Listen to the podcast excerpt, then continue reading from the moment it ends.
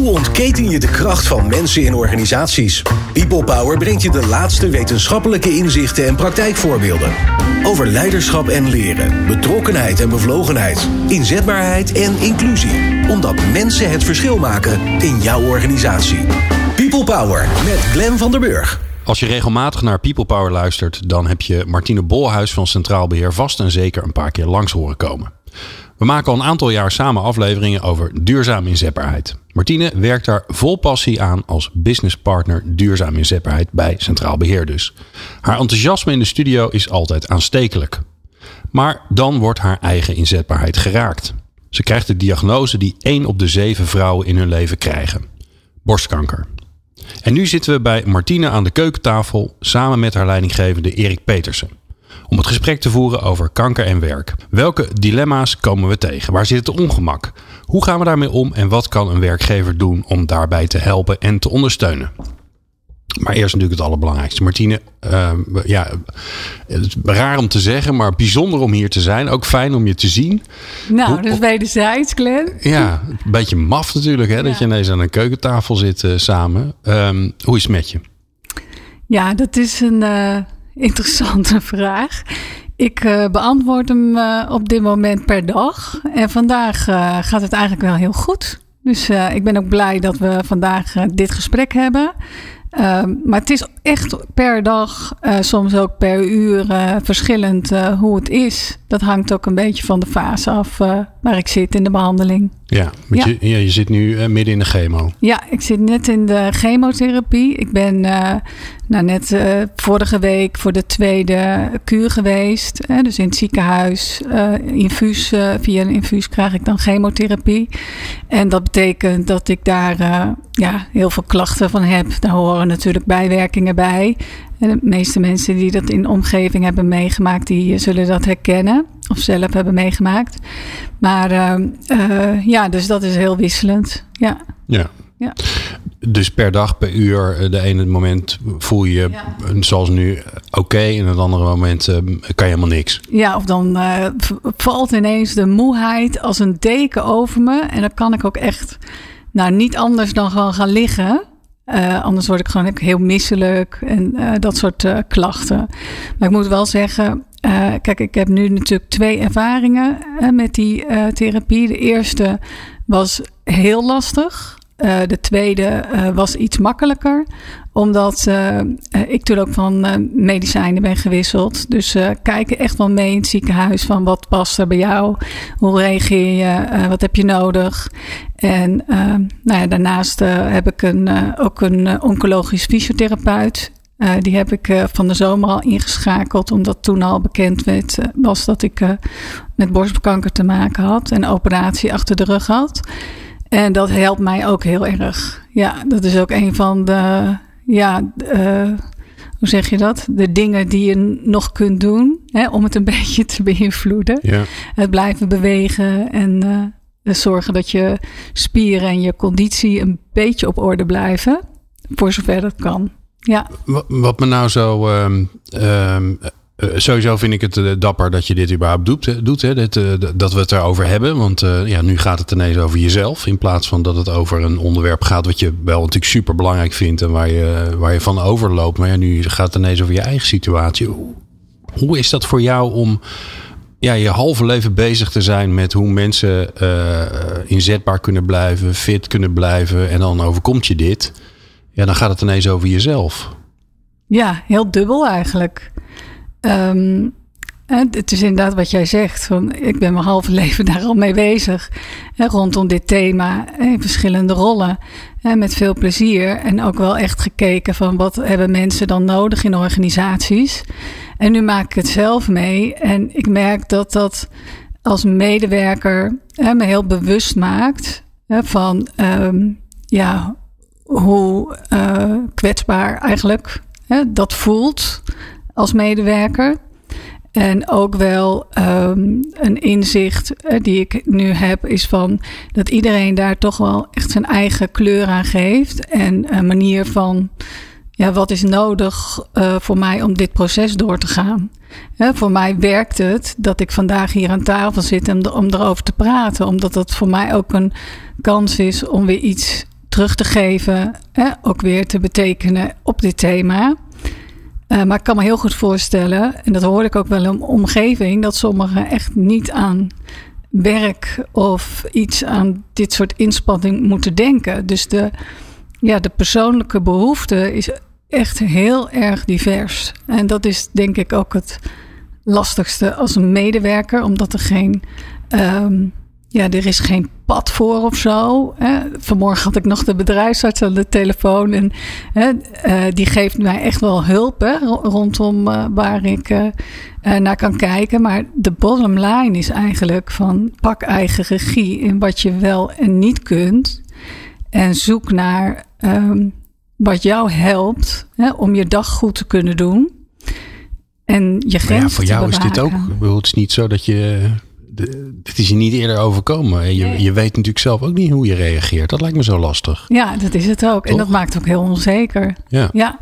Ik vond dat met name in het proces voor de chemotherapie vond ik dat heel onzeker. Want ik had zelf nog een beetje gedacht van nou misschien kan ik nog wel iets aan werk blijven doen. Hè, want ik, uh, dat soort uh, gevoelens.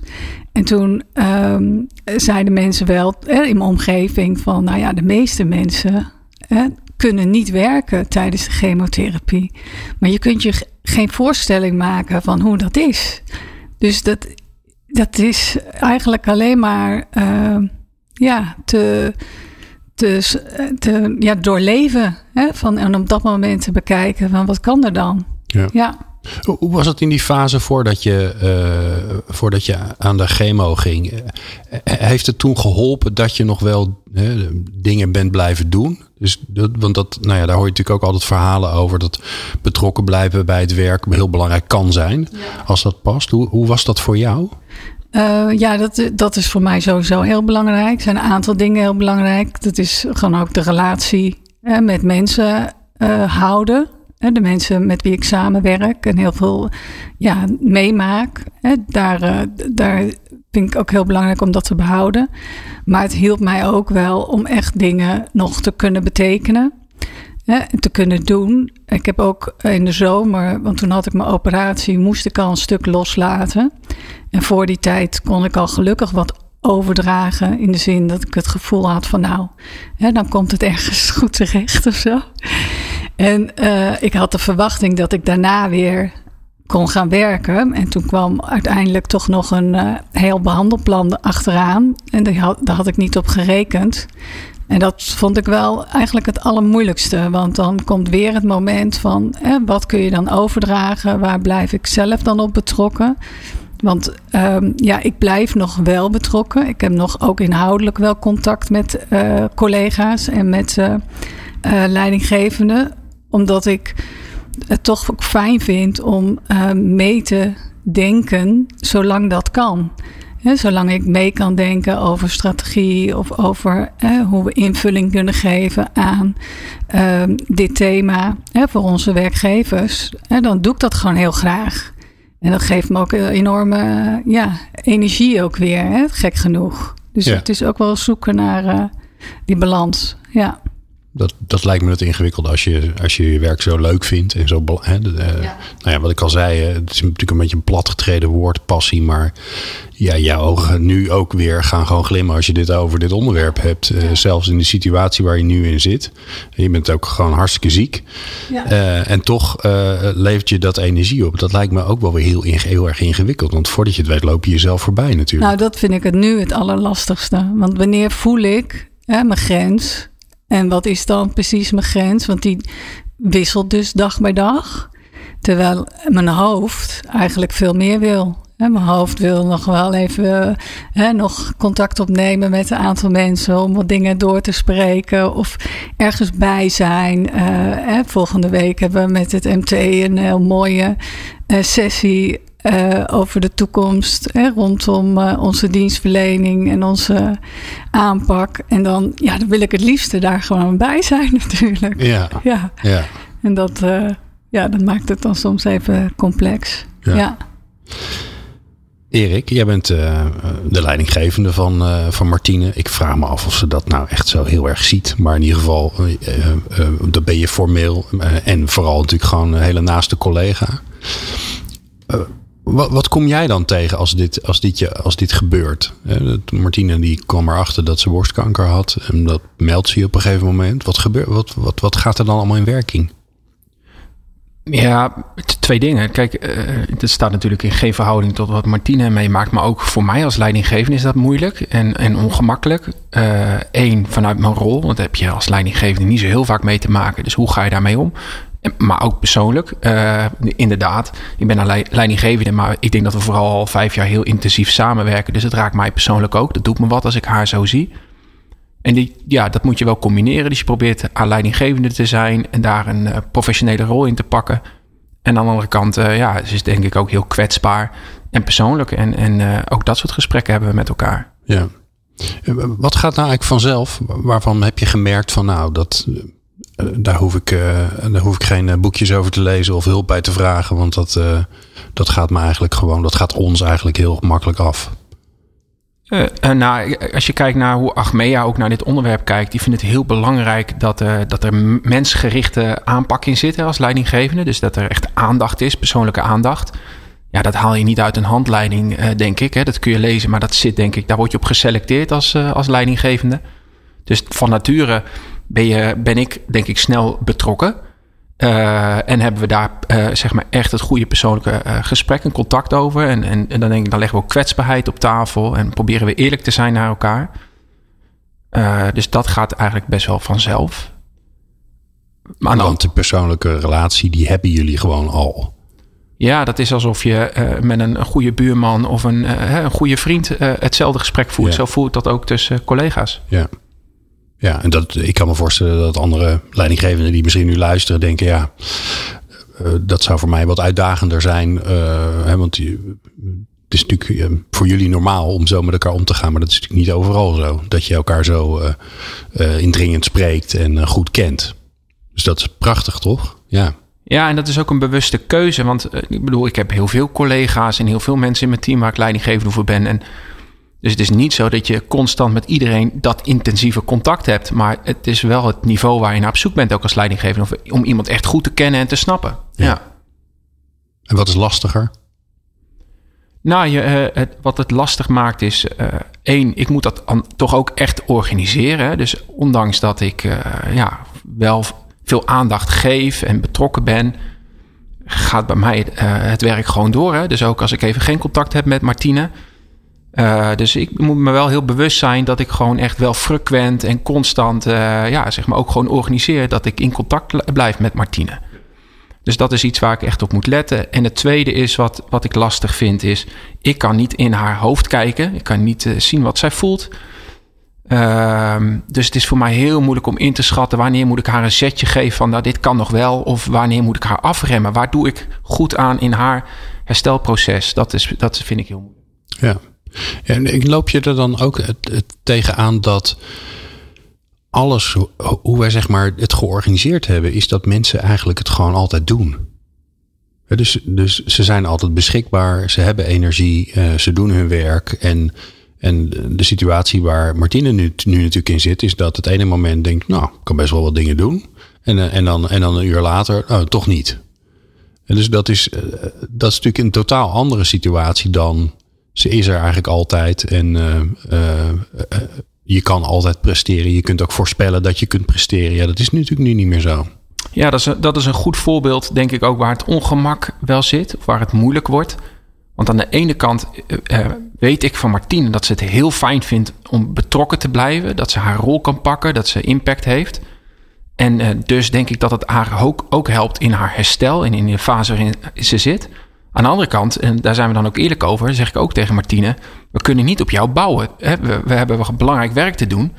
En het, de, de, afhankelijkheid dat je het ene uur wel bent of het andere uur niet. Ja, daar kunnen wij ook niet op voortbeduren. Dus we moeten soms ook gewoon zeggen: deze dingen gaan we niet samen doen. Of daar moet je niet je tijd aan besteden. Want die afhankelijkheid kunnen we gewoon niet gebruiken. En dat is dan ook eerlijk. Ja. Ja, en, en, en het tweede wat ik eigenlijk zat te bedenken is is iemand als Martine, die, uh, uh, die al zo lang in dit vak zit, die al zo lang uh, rondom het netwerk eh, betrokken is van Centraal Beheer, van Centraal Beheer Open, is zo iemand überhaupt te vervangen? Ja hoor, heel goed. Ik ben blij dat jij het antwoord geeft. Ja, ja, nee, maar het, ma- het maakt natuurlijk, ik bedoel, dat is niet, eh, dat is niet om een Martine nou zo de hemel in te prijzen, ook al is dat wel terecht, maar het maakt natuurlijk uit of je ehm, eh, een collega hebt waar je er zes van hebt en, en waardoor één van uitvalt. Dat is natuurlijk ook super vervelend, maar ja, meer Martines zijn er eigenlijk niet.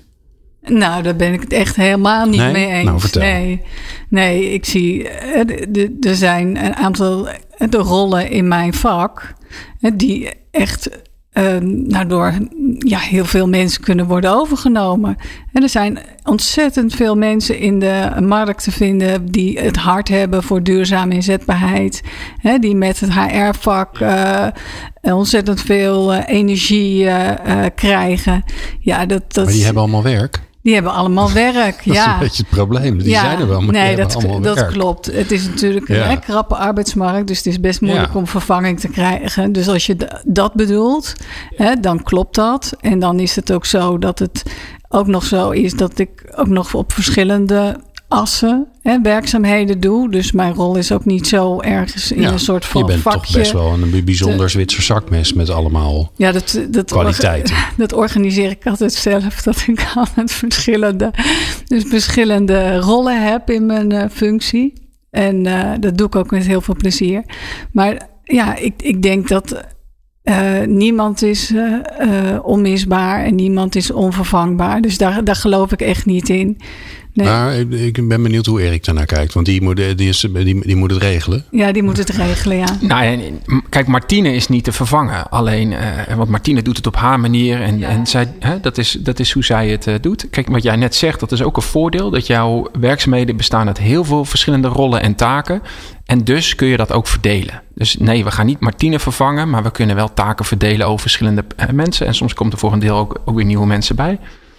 Uh, dus dat is wel te doen. Maar ja, ik denk dat we ook wel de afweging maken om dan een aantal dingen voor een, misschien een periode niet of minder te doen. Want niet alles is zomaar één op één vervangbaar, inderdaad. Dat is ook, uh, dat is ook waar.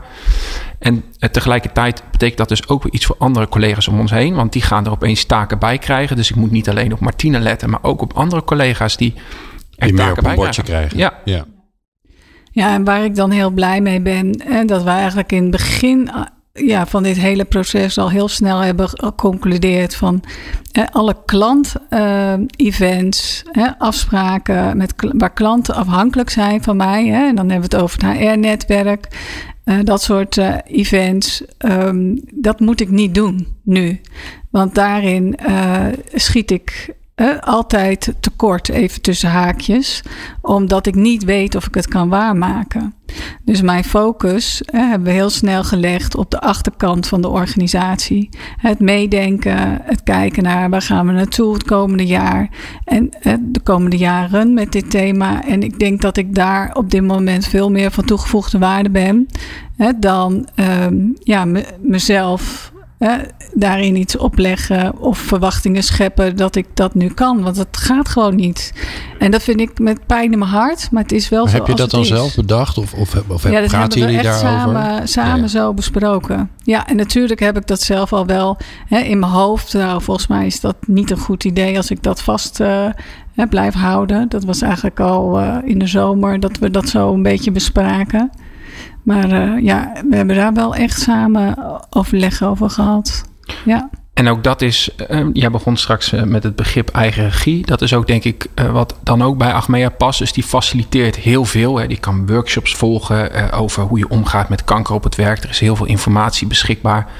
Maar eigenlijk zegt Achmea, het is ook een kwestie van eigen regie tussen de medewerker en de leidinggevende. Want het is altijd maatwerk. En kijk of je er samen uit kan komen wat voor jullie past. Want ja, de ene situatie is de andere niet. Zijn er, zijn er dingen geweest die jullie samen ingewikkeld vonden, waarbij je, waarbij je toch die, uh, die andere belangen hebt? Want ik kan me heel goed voorstellen dat, dat jij, Martine, dat er dingen zijn dat je denkt, ja, daar wil ik heel graag bij betrokken zijn, want ik, ik voel, ik, dan voel ik de energie opborrelen en, uh, en daar, daar wil ik bij zijn. En dat Erik zegt, ja, maar het is gewoon, het is gewoon niet handig, want. Ja, zo concreet niet, maar waar ik wel ja, va ja, vaak, waar ik af en toe ongemakkelijk van word, is de periode. En daar hebben we het wel eens over, van, hè, dat we die periode niet kunnen overzien. Omdat ik ben natuurlijk al in juni met dit proces begonnen. met het idee van, nou, ik kom in september terug. Toen liep het nog een keer anders. En nu heb ik een traject, die chemotherapie loopt door tot maart. En um, ja, alle seinen wijzen erop dat dat niet betekent dat ik meteen eind maart weer volledig inzetbaar ben. En dat voelt heel ongemakkelijk. Dat voelt als zo'n zo'n lange periode. periode. En oh, dat maakt me echt onzeker. Dat ik denk van, oh, maar hoe gaat dat? En dat is dan echt heel erg wat er in mijn hè, proces gebeurt. Is dat ik probeer in hele kleine stukjes te knippen. Dus ik probeer ook, uh, ook in de gesprekken met Erik ook maar weer heel erg te kijken naar nu. ik heb nu dit behandelplan en dat loopt dan elke twee weken. En dan knip ik het ook maar weer op. Nou, deze twee weken gaat het zo, deze twee weken gaat het zo. En straks hebben we weer een ander uh, chemotraject. En dat volgt ook er allemaal. En dan kunnen we ook weer een beetje zien hoe het gaat. Dus ik probeer het maar echt heel klein te maken. Want anders dan dan wordt die onzekerheid te groot. Dan kan ik niet overzien hoe het uh, volgend jaar is die on, Ik kan me voorstellen dat eh, de onzekerheid is natuurlijk omdat het een lange periode is. Omdat, nou ja, dit is nu het behandelplan. Uh, in maart gaan ze dan kijken of het, en misschien doen ze dat tussendoor al, maar ze gaan natuurlijk ook kijken van ja, slaat het aan, werkt het, uh, heeft het effect wat we hopen. Nou, als, dat, als dat zo is, dan, dan ben je in maart ben je doodmoe dat ben je nu al, maar ja, dat is natuurlijk, het is natuurlijk heel heftig voor je lijf. Dus ook fysiek zul je, zul je moeten herstellen. Wat is dan de onzekerheid als je over die periode heen kijkt? Want ik vind het verstandig dat je dat niet doet, maar het gebeurt in je achterhoofd nee, stiekem gebeurt in achterhoofd stiekem toch. En dan is de onzekerheid van hoe zit ik er dan bij? En ben ik dan in staat om weer uh, goed uh, te reintegreren op een rol waar ik heel veel plezier in heb? Uh, hoe staat het met mijn uh, geheugen? Hoe staat het met mijn uh, focus? Allemaal vragen waarvan ik denk, ja, dat, dat zou ik zo graag willen beïnvloeden, maar dat is niet te beïnvloeden, dat weet ik ook. En dan hou ik me vast aan de, de tips van bewegen en zorgen dat, dat ik fysiek fit blijf, want dat zou invloed kunnen hebben. Um, maar dat, dat is niet, dat weten we niet. We weten niet hoe ik straks uh, er, erbij zit. Nee, maar dat is één kant. De andere kant is natuurlijk dat, ja, hoe, hoe langer het duurt, hoe langer de mensen die nu de taken overnemen, die taken doen. Ja. En dat is natuurlijk tijdelijk is dat, is dat oké. maar ja, gaat het een jaar duren, dan, uh, ja, dan. Ja, dan moeten er ook andere oplossingen zijn. Nou ja, dat is natuurlijk de vraag. Hè? Dus wat, hoe spreken jullie daarover, Erik? Nou, ik, ik, inderdaad. Ik denk dat de, de spannendste tijd nog moet komen. Hè. Met name, en, en gaan vanuit dat als uh, Martine haar behandeling heeft gehad, dat, dat, het, uh, dat, dat ze zeg maar even haar dossier daar in het ziekenhuis kan sluiten. Maar dan komt er nog een heel lang herstelproces. En je ziet nu wel in onze omgeving dat er ook heel veel aandacht is vanuit collega's van Martine. Nou, natuurlijk allemaal ondersteunend en aardig en goed. Uh, ik probeer daar iets meer. want Martine is een hele positief ingestelde vrouw. En, en soms neigt het dan bij wijze van spreken naar iets te optimistische uh, blik op, op zaken. ik ben dat eigenlijk van nature ook.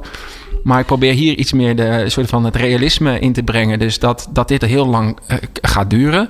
Vind ik ook moeilijk, hè? want ik wil haar juist ook niet uit die positieve gedachten halen. Want die heeft zij ook nodig. Aan de andere kant is het reëel. Uh, maar ik denk dat als zij straks uh, in haar hersteltijd zit, weer aan het werk gaat, dat misschien haar omgeving, collega's, uh, wel weer zullen denken van nou, ze is er weer, ze kan weer aan het werk. Maar dat ze zelf gaat ervaren van ja, maar ik ben er nog lang niet, of ik heb de energie nog niet. Of ja, het, komt. Dus, dus dan wordt die eigenlijk misschien nog wel veel spannender. Dat is ook wel echt wat ik van Achmea heb meegekregen van let op. Hè, dus dat, dit zijn de fases waar je doorheen zult gaan. Dat, dat kan zo'n werkgever natuurlijk heel goed inschatten, want dat is voor iedereen eigenlijk wel hetzelfde. En dus dat wordt misschien wel de spannendste tijd. Ja. Ja. Ja, en, en, zijn er dan nog vraagstukken over. Uh, reserveer je de plek die ze heeft uh, tot ze terugkomt en los je het tijdelijk op? Wanneer ga je dat niet meer doen? dat, dat, dat kan ik me ook voorstellen dat dat een soort, nou ja, hete kroket is waar het misschien niet over wil hebben, maar misschien wel over moet hebben. nou, ik weet niet of we het er zo expliciet over hebben gehad ook dat denk ik is toch heel mensgericht. Dus ik sta maar voor één ding. natuurlijk is die plek die is van Martine. Martine is er gewoon even niet of minder. Maar die komt gewoon weer terug. Dat is het uitgangspunt. En tot die tijd uh, proberen we het op te vangen. En ja, we vervangen het ook door nieuwe mensen. Dat, dat is dan van tijdelijke aard.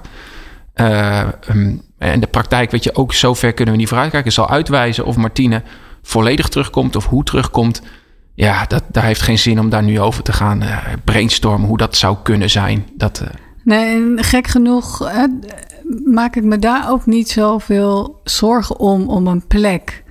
Hè, want ik denk van, uh, voor mij is het belangrijkste dat ik weer gezond terugkom.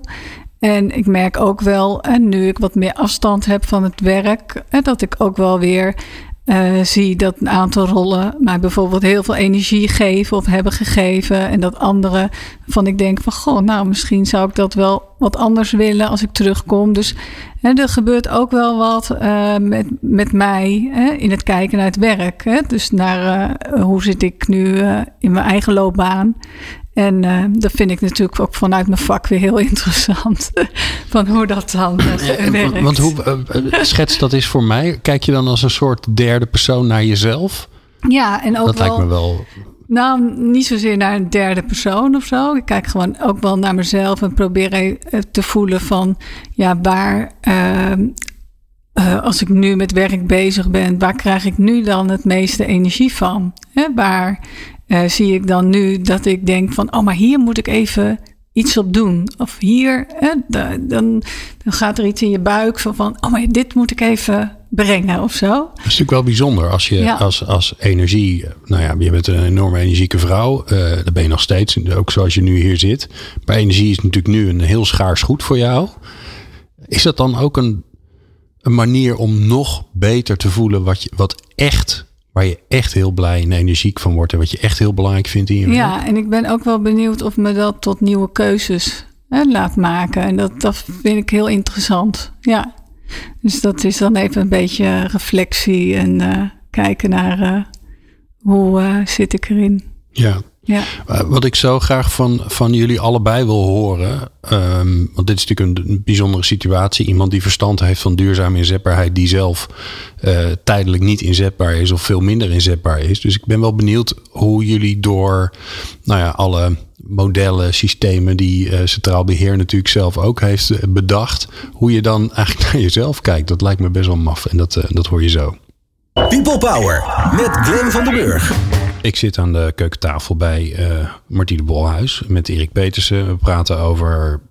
over ik krijg echt mijn mond bijna niet uit. Is, ligt dat aan mij of hebben jullie er ook last van? We praten over uh, Martine de ziekte, want die heeft borstkanker. Die is daar, wordt daarvoor behandeld. Um, Achmea, die, eh, dat is natuurlijk een, een hele goede werkgever waar heel veel dingen heel goed geregeld zijn. Ik ben, ik ben wel benieuwd als, als dit gebeurt, als in dit geval ben jij, ben jij ziek geworden, uh, Martine wat gaat er dan allemaal in werking? Wat, wat gebeurt er dan? Misschien bij jou beginnen, Martine. Aan wie meld je dat überhaupt? Nou, ik heb het gewoon meteen aan Erik gemeld, geloof ik. En aan de collega's. Volgens mij eh, ben ik daar maar gewoon begonnen. Ja. En, uh, Moet je dan toch aan iemand anders melden? Ik heb dat zelf niet gedaan. We hebben het daar wel even over gehad. En toen zei jij, Erik, van nee, dat regel ik even voor okay. je. Ja, dat is... Ziek melden, hè? Dat is gewoon een administratief ja, klusje, zou je kunnen zeggen. Ja. ja, ja.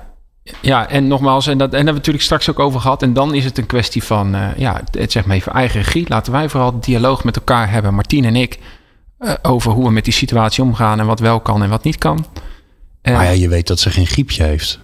Dus het is niet ziek melden, ze is verkouden. Tenminste, sowieso mag je dat helemaal niet eens vastleggen volgens mij als werkgever. Dan krijg je weer dat soort rare dingen. Maar er is echt wat aan de hand. Werkt het dan anders? Nou, het werkt in die zin anders, is dat, we, dat je niet kunt inschatten hoe lang het gaat duren. En tegelijkertijd weet je ook dat ze wel kan werken, maar je weet niet precies hoeveel en hoe lang. Dus het is, dus het is toch eigenlijk niet op voorhand in te vullen, om maar zo te zeggen, administratief gezien, hoe lang iemand eruit is. Maar ja, nadat ze het gemeld heeft, veranderde er in eerste instantie niets. Want Martine was gewoon aan het werk. En, en dus zul je per week moeten kijken hoe lang uh, houden we deze situatie. En, en meld je dat dan nog aan, aan je, aan je HR? HR? Uh, uh, jullie hebben vast een soort business partner structuur met, met HR-mensen. Bespreek je dat met... Ja, zeker. Dus dat, dat wordt netjes vastgelegd, bijgehouden. En natuurlijk heb je daarna dus ook hè, achteraf mee allerlei professionals die je daarbij zou kunnen ondersteunen. Dus en dat is ook wel, uh, ja, vind ik fijn om te weten. Dus Martien en ik hebben een, een, intensieve, goede relatie. We zijn met elkaar goed in gesprek over die situatie. Maar er kan ook een moment zich gaan voordoen dat we het niet met elkaar eens zijn, omdat uh, Martine vindt dat ze ja, misschien niet zou kunnen werken of minder zou kunnen werken. En ik heb het gevoel dat dat wel kan. Ik kan het makkelijk zeggen, want het is in de praktijk nu vaak andersom. Dat ik Martine eerder moet afremmen dan uh, dat, dat zij zegt, ik, ik kan niet werken. Uh, maar dat, zo'n situatie kan zich voordoen. En ja, dan, dan zou ik kunnen zeggen, dan komen wij er niet uit. En dan hebben we professionals om ons heen zitten. Een bedrijfsarts die ook gewoon uh, kan toetsen waar iemand staat. Zowel mentaal als fysiek. Of, of, of zij wel of niet in staat is om de dingen te doen. En dan hoeft dat niet tussen ons in te, uh, te liggen. Dat is heel, heel fijn. Ja. ja, en ik kan me ook voorstellen dat jullie soms uh, elkaar aankijken en denken: we weten het eigenlijk gewoon even niet. Ja. Toch? Dus je kunt het natuurlijk niet met elkaar eens zijn. Maar ik kan me ook voorstellen dat je zegt: ja, hoe, hoe gaan we dat eigenlijk oplossen?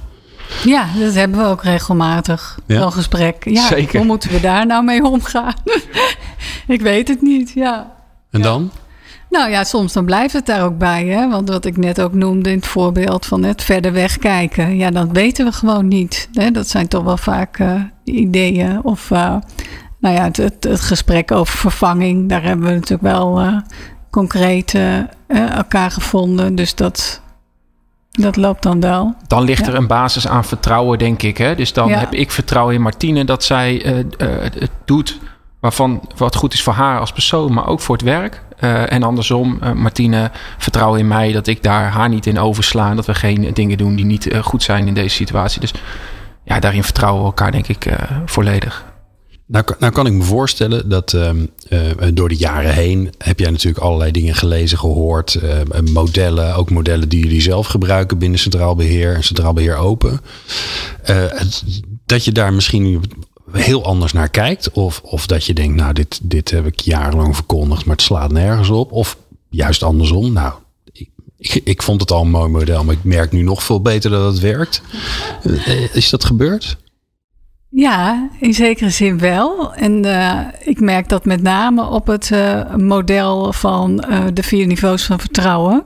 Daar hebben we het ook al eerder over gehad. En ik hoorde Erik dat net ook zeggen over het niveau van uh, leidinggevende medewerker. Dat is een van de ja, belangrijke elementen uh, voor vertrouwen. En ook uh, om het verschil te maken op duurzame inzetbaarheid. Dus wanneer komt een medewerker in beweging? Daar hebben we echt dat vertrouwen voor nodig. Maar er zijn er nog drie. En een daarvan is zelfvertrouwen dat merk ik ook nu, nu we het hier over hebben vandaag. Maar ook uh, in de gesprekken die ik voer met andere uh, vrouwen en mensen die uitvallen. Dat de basis van zelfvertrouwen heel veel uitmaakt. Of je het geloof hebt dat je weer uh, een stap verder komt. En de derde is uh, de organisatie. Is het gedrag van de organisatie consistent? Hè? Dus het beleid wat Erik net ook vertelde over hoe Achmea erin zit. Is dat ook zichtbaar? Uh, zijn er voorbeelden van? Uh, zien mensen bij andere medewerkers dat gebeuren? Weet je wel, is er ge genoeg basis voor dat dat ook echt zo werkt als het aan de hand is? En de vierde gaat over de samenleving en de arbeidsmarkt. Want hoe wordt er gesproken over mensen die ziek zijn? Is daar een arbeidsmarkt voor? Um, kunnen we werken en kanker hebben of andere aandoeningen? Is dat een uh, onderwerp van gesprek? Of sta je dan naast de arbeidsmarkt? En dat is ook eentje uh, die ja, heel belangrijk is uh, voor uiteindelijk voor het vertrouwen om mensen weer in de job te krijgen, te reintegreren.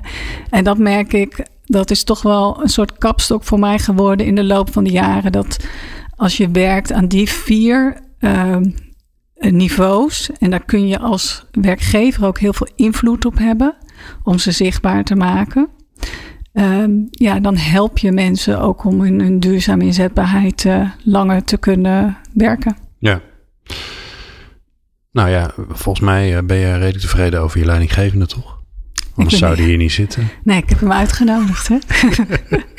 hij is welkom. Hij mag nog een keer komen. Ja. Ja. ja. Collega's, hoe doen ze het? Ja, leuk. Ja, ja heel fijn. Ja. ja, we hebben hier volgens mij uh, we, hebben wat, we van collega, wat je van collega's hebt gekregen. Nee, dat, dat, staan ja. op kaartjes. En, ja, uh, ja, ja, klopt. Ja, ik krijg heel veel uh, aandacht van collega's hè, via verschillende kanalen, appjes, uh, bloemen, noem maar op. En dat doet iedereen op zijn eigen manier en dat kan ik heel erg waarderen. En ik heb zelf nu een beetje de ja, het idee geopperd om elke keer een soort van update te geven. En dat doe ik dan naar collega's om ze even een beetje bij te praten, maar ook om het ja, contact te houden. En ook dat ze het niet altijd van een ander horen. Hè? Dat is ook wel fijn. Dat ze ook het gevoel hebben van... oh, ik kan gewoon Martine even terug appen of uh, nou, gewoon Ik moet heel eerlijk zeggen, want je stuurt hem ook heel lief naar mij. Dus ja, ik voel me als collega. Enorm, ik voel me enorm collega. Ehm, ehm, het helpt mij enorm. Ja? Nou ja, enerzijds omdat, uh, omdat je dan uh, weer actief op mijn netvlies bent dus het zorgt er ook uh, voor dat ik gewoon uh, weer even heel bewust aan jou denk. Maar het maakt het ook makkelijker.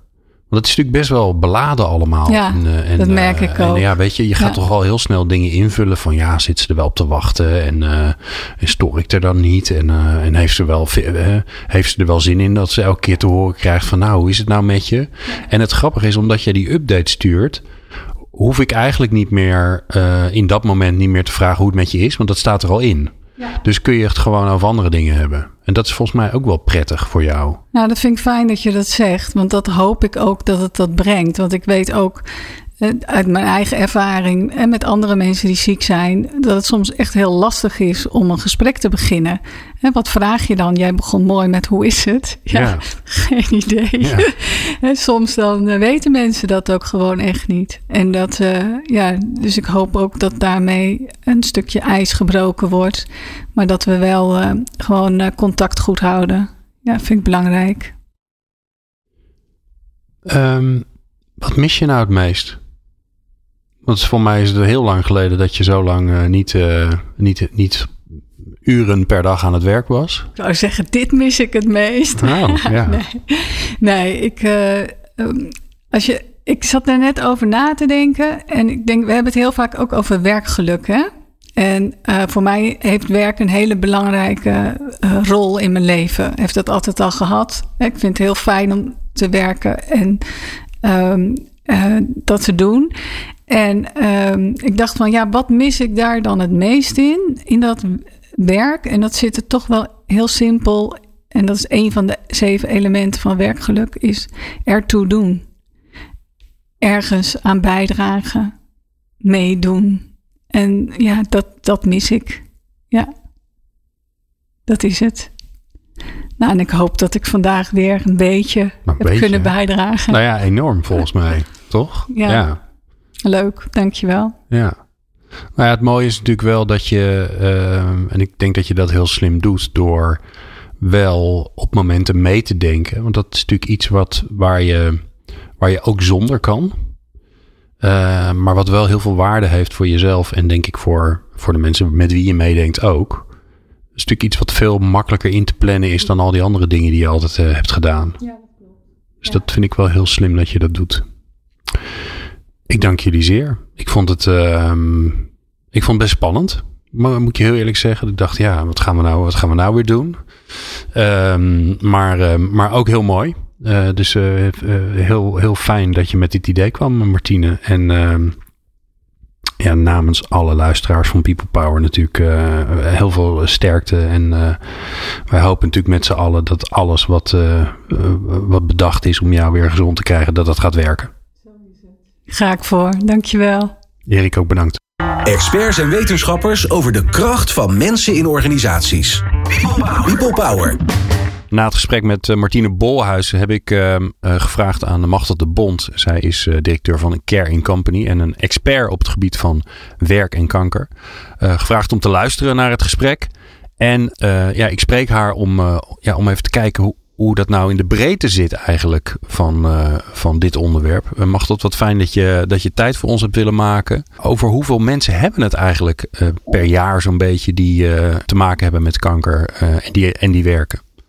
Ja, dat is best een groot aantal. Um, dat, dat aantal ligt rond de 45.000 diagnoses in de beroepsbevolking. Ja, dan heb ik dus in de beroepsbevolking, dus dat zijn mensen in de leeftijd van 15 tot pak een beetje 67 jaar. Ja. Um, waarvan niet allemaal gezegd is natuurlijk dat die, in, dat die daadwerkelijk aan het werk zijn. Maar ja, het is wel een, bijna de helft van, nou, iets minder dan de helft van het aantal diagnoses wat we in Nederland kennen. Ja. ja. En wat is dan de rol van werk tijdens het behandelproces en het herstel daarna? Ja, dat is natuurlijk een duivelse grote vraag. Want um, het verhaal van Martine illustreert ook heel duidelijk dat dat voor iedereen totaal anders is. Kijk, het, het, uh, het thema kanker en werk is natuurlijk de afgelopen jaren met name zich gaan focussen naast eerst het stigma weghalen dat het eigenlijk niet mogelijk is om met, met, met kanker te werken. Maar wat kan je nog wel op het moment dat je zo'n diagnose hebt? Um, maar daar zit natuurlijk verschrikkelijk veel uh, ja, nog tussen. Dus dit, dit, dit, is, dit is, het belangrijkste is dat je uh, nog steeds vanuit één specifieke vraag kijkt naar wat kan iemand en wat wil iemand? Wat is de rol van werk voor deze persoon? Maar daarnaast is het ook ontzettend belangrijk om toch wel even uh, met elkaar door te akkeren als werkgever en werknemer. Het liefst ook aan de voorkant, voordat het je überhaupt overkomt, dat je te maken krijgt met dit thema op de werkvloer. Wat toch wel specifieke aandachtspunten zijn in relatie tot het ziektebeeld en behandelingen van kanker. En, en het werkvermogen wat je dan uh, met je werknemer wil bespreken. Ja. Wat ik daar eigenlijk over wil zeggen nog. Kijk, kanker is natuurlijk niet één ziekte. Hè? Het heeft enorm veel verschijningsvormen. Uh, meer dan 200. En alles heeft ook een eigen uh, ja, prognose. Mensen kunnen er weer van herstellen. Uh, met zicht op curatie worden behandeld, zoals dat heet. Mm. Maar mensen kunnen natuurlijk ook niet meer herstellen. En dan met een ja, uh, uitgezaaide vorm wellicht nog heel lang een goede kwaliteit van leven ervaren. Ja, dan is het maar net de vraag, uh, wat willen mensen uh, in relatie tot werk dan nog heel erg graag blijven doen? Maar ook wat kunnen ze doen? En typerend voor kanker is ook, en dat, dat, ja, dat, dat hoorde ik heel duidelijk ook weer terug in hoe, hoe Martina dat nu ervaart. Dat behandelingen met name zo ziekmakend zijn. En dat je ook niet weet hoe je daar uh, in relatie tot je werk um, doorheen gaat. En wat het, wat het voor effect heeft op jouw inzetbaarheid als je al overweegt om te blijven werken tijdens behandelingen. Maar ook wanneer je uh, klaar bent met je behandelingen en je eigenlijk op het dieptepunt van je energie zit. Hoe kom je dan weer terug? Hoe bouw je dat goed op? Ja, ja dat is in de glazen bol kijken, dat kan niemand. Uh, dus het is wel belangrijk dat, dat je daar op de werkvloer um, zicht op hebt, of, of in ieder geval van doordrongen bent, dat uh, die grilligheid van ieder verloop van iedere werknemer totaal verschillend kan zijn, maar wel uh, uitgaande van het feit dat ja, uh, het altijd staat voor een langdurig traject van behandelingen en ziek zijn. En, ja. dat, en ik kan me ja. voorstellen hè, dat um, het gesprek is dus heel belangrijk, in contact met elkaar zijn, regelmatig daarover spreken. Um, dat is nog niet zo makkelijk, maar daar zullen we het zo nog wel even over hebben. Wat zijn nou aannames die er gemaakt worden bij werkgevers, bij leidinggevenden, waarvan jij zegt van ja, daar moet je echt mee oppassen?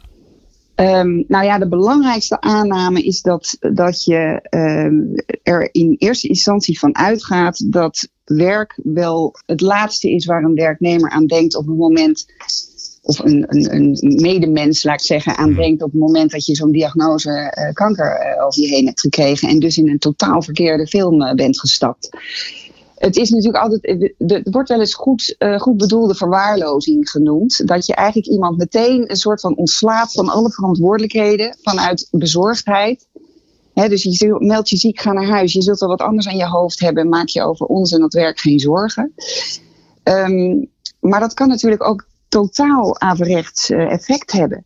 Kijk, wat ik me altijd realiseer, en dat probeer ik binnen werkgever, uh, binnen, binnen organisaties ook altijd naar voren te brengen.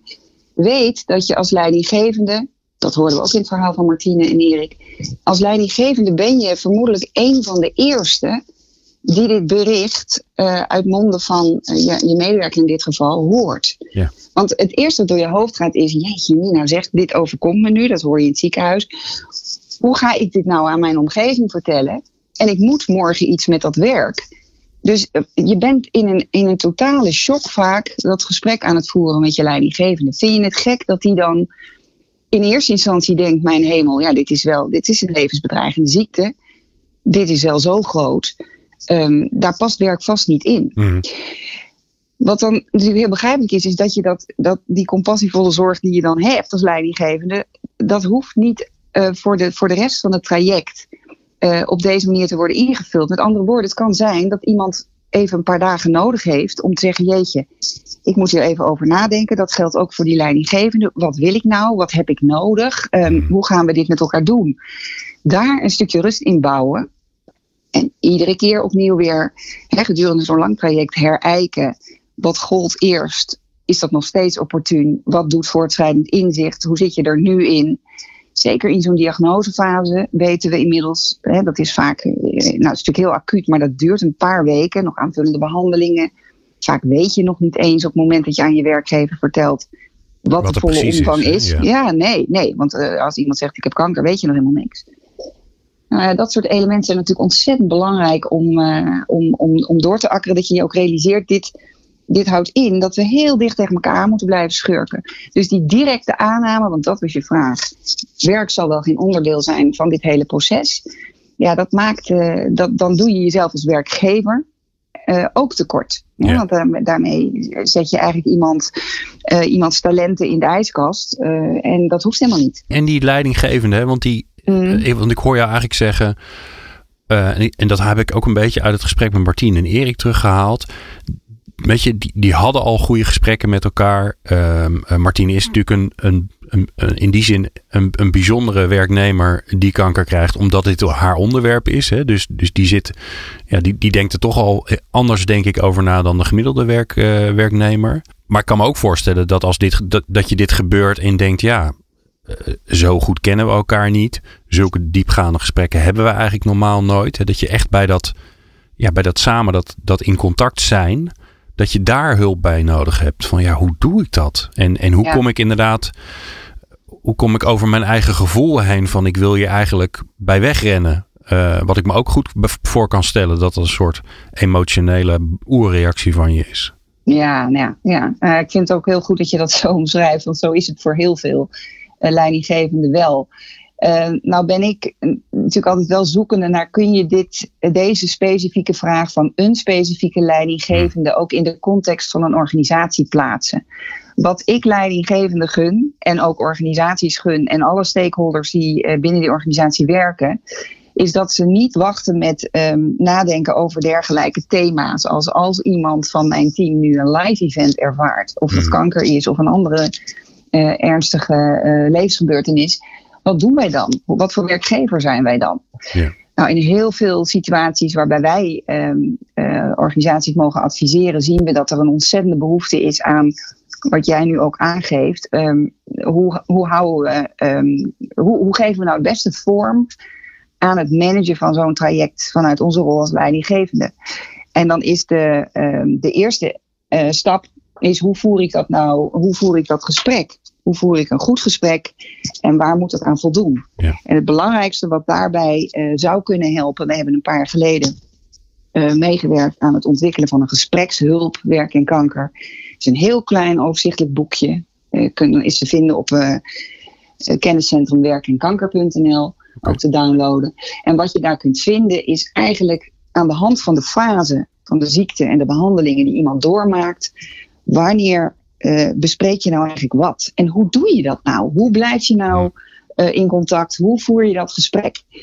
Nou, het lastige hierin, en dat is fantastisch geïllustreerd in het gesprek wat je voerde met Martine en Erik, is het feit dat um, wanneer je elkaar als leidinggevende medewerker al heel goed kent en al een vertrouwensband hebt en um, nou ja, goed, ook weet van elkaar hoe zitten we in het werk, wat vinden we belangrijk wat betekent werk voor jou, dan hoef je dat gesprek niet meer te voeren. Maar in heel veel situaties zie je dat mensen gewoon vanuit een, nou ja, een, een totale uh, andere uh, focus met elkaar dit gesprek in moeten gaan. En dan denken, ja, uh, moet ik nou doen wat die bedrijfsarts zegt? Moet ik nou, hè, we, we, zitten toch in die squeeze van zo'n wet, dus dat duurt ook twee jaar. Dan moet iemand wel weer in. En mm -hmm. ja, dan gaan we het een beetje blauw aanvliegen. Terwijl eigenlijk is het allerbelangrijkste dat je probeert om aangesloten te uh, blijven bij je werknemer. En het enige wat je hoeft te vragen is: wat heb jij nodig? Het attenderen van iemand op het feit, je hebt je eigen regie. Ja. Hè, medewerkers zijn natuurlijk ook uh, binnen alle stramine die we hebben. Um, nou ja, die hebben eigen regie. En die vraag die is iedere keer weer belangrijk om te stellen. Dus we hebben twee weken geleden besproken, toen zat je er zo in. Is dat nog zo? Geldt dat nog zo? Wat wil je uh, nu? Wat heb je nodig? En dat geldt over van alles. Hè? Ook hoe wil je dat collega's met je, um, met je omgaan, bij wijze van spreken. Wat wil je delen met ze? Uh, um, wil je aanhaken bij een teamsoverleg online of juist niet? alles. Ja, en dat, dat moet je met elkaar gaan doorakkeren. Ja. Superhandig. Um, uh, kenniscentrum Werk en Kanker. Ik zal uh, ook zorgen dat uh, de link op onze website staat bij deze Leuk. aflevering van People Power. Um, altijd handig zo'n boekje als gesprekshulp. En natuurlijk de tips van jou, Machtel de Bond van Caring Company. Dankjewel voor jouw expertise. Ja, dankjewel. Graag gedaan. Meer luisteren? Ga naar peoplepower.radio en abonneer je op onze podcast.